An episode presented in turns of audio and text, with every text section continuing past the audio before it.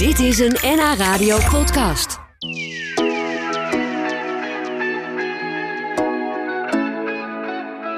Hij reist van Buenos Aires tot aan Korea en heel Europa heeft hij ook al van voor tot achter gezien.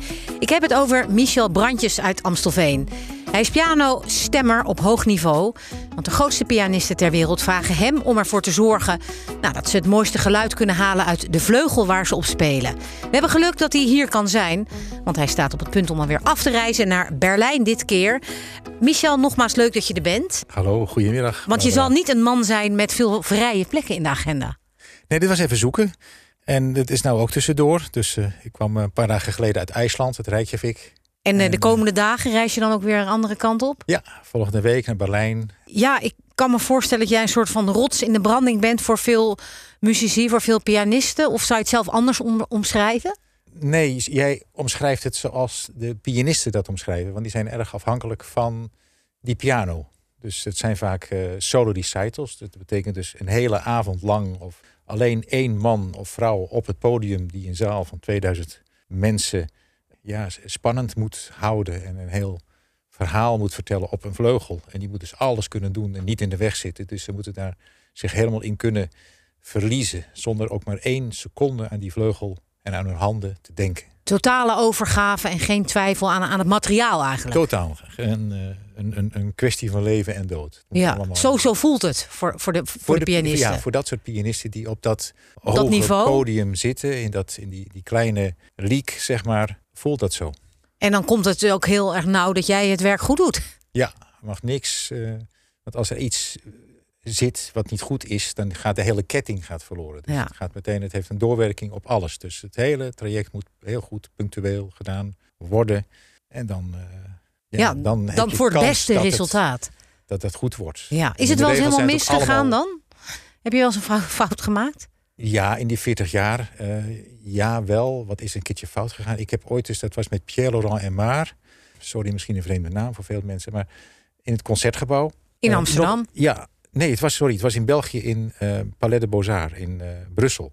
En hij wou dus een nootje heel snel kunnen repeteren. En toen had ik in de afregeling van het mechaniek... had ik dat ietsje te dichtbij gezet. En toen brak er een hamer. En dat is mijn schuld. En het was een concert van Ravel voor de linkerhand in F. Dus die noot komt ontzettend vaak voor. Maar uh, hij heeft het gespeeld met een gebroken hamer. Dus die deed het af en toe niet. Maar het, er zijn zoveel noten, dus niemand heeft het gehoord. Nee, maar hij wel natuurlijk. Ja, maar hij was er heel stoïcijns in. Hij maakte er helemaal niks van. En na afloop was hij... Uh, Ook heel rustig. Niet een hele amabele man. Ja. ja. We praten zo meteen verder over al je verhalen en avonturen. Um, leuk dat je bent. Michel Dankjewel. Brandjes uit Amstelveen.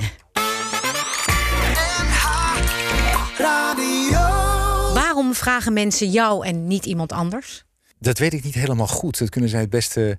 Kunnen zij zelf het beste zeggen? Beste zeggen, maar uh, een van de elementen is dat je een, een, een, band opbouwt.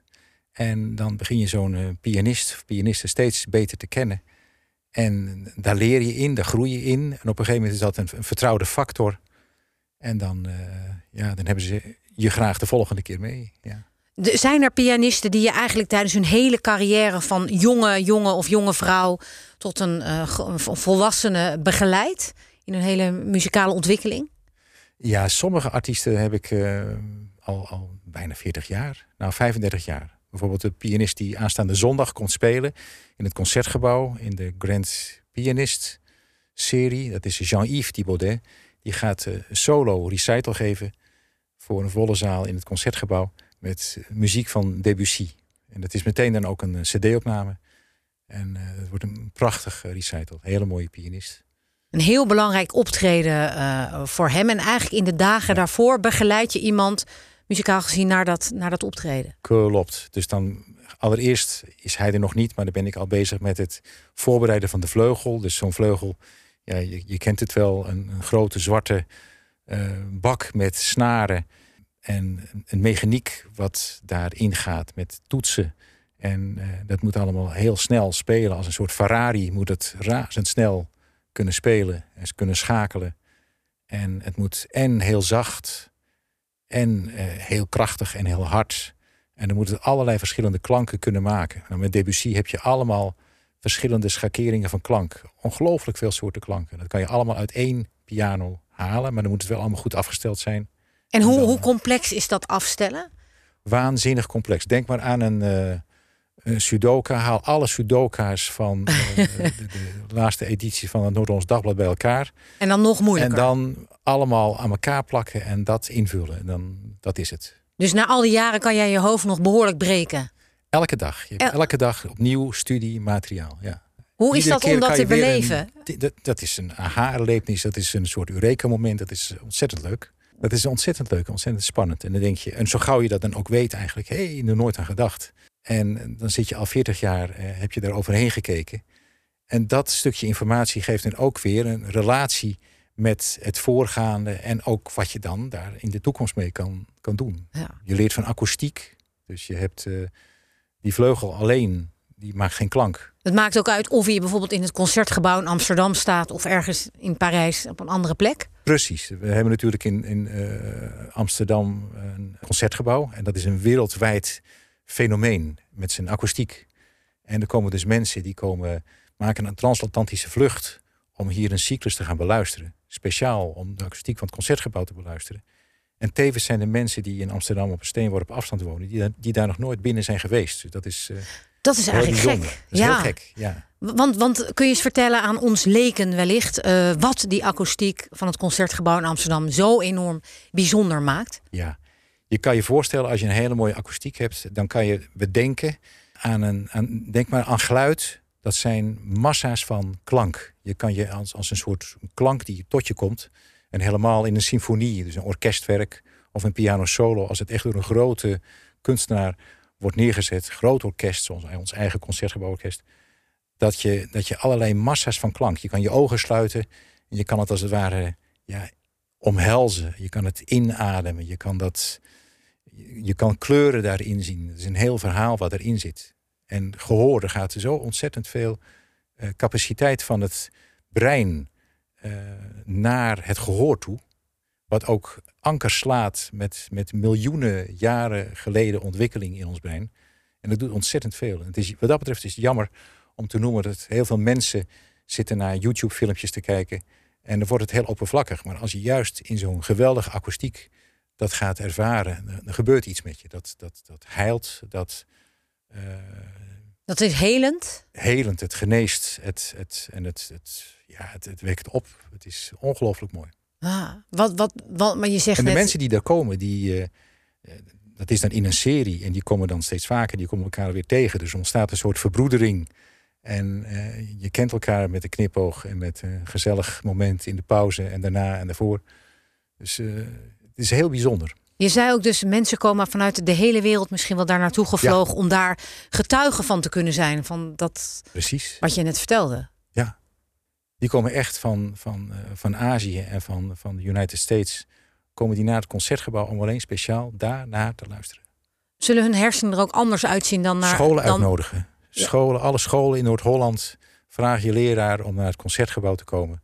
Om daar een, eh, een eh, hoe noem je dat, een, met, met de hele klas daar naartoe te gaan. En om dat te beleven. Misschien kan je een repetitie bijwonen. En je kan zo het concertgebouw bellen om een afspraak te maken. Ja, het kan je levensveranderend zijn eigenlijk zo'n ontmoeting Absoluut. met het concertgebouw. Absoluut. Dat eh, je zegt levens veranderen, maar inderdaad, het, sowieso de grote kunst, of het nou de schilderkunst is, wat in die driehoek rondom het concertgebouw is: het Rijksmuseum, het Stedelijk Museum, het Van Gogh Museum. Het is allemaal in een, in een, een schoots afstand aanwezig. Dat soort dingen zorgen ervoor dat er bijvoorbeeld nog niet op een rode knop is gedrukt. Eh, dat volgens mij zorgt ervoor dat we nog niet beyond, voorbij Wereldoorlog nummer 5 zijn. Ik denk dat het ontzettend belangrijk is. Dat is eigenlijk het mooiste art. wat we hebben. Ja, dat is, dat is absoluut eh, niet alleen mooi, maar ook ongelooflijk belangrijk. Waanzinnig belangrijk. Michel Brandjes uit Amstelveen is pianostemmer en niet zomaar één. Hij wordt gevraagd door de grootste pianisten en reist de wereld rond om hun vleugels zo perfect mogelijk te laten klinken. Ehm, moet je eigenlijk zelf ook goed kunnen spelen om eh pianostemmer te, te zijn? Ja, mijn leraar zei ooit van eh, elke noot die je goed kan spelen, dat is een, eh, een, een pre.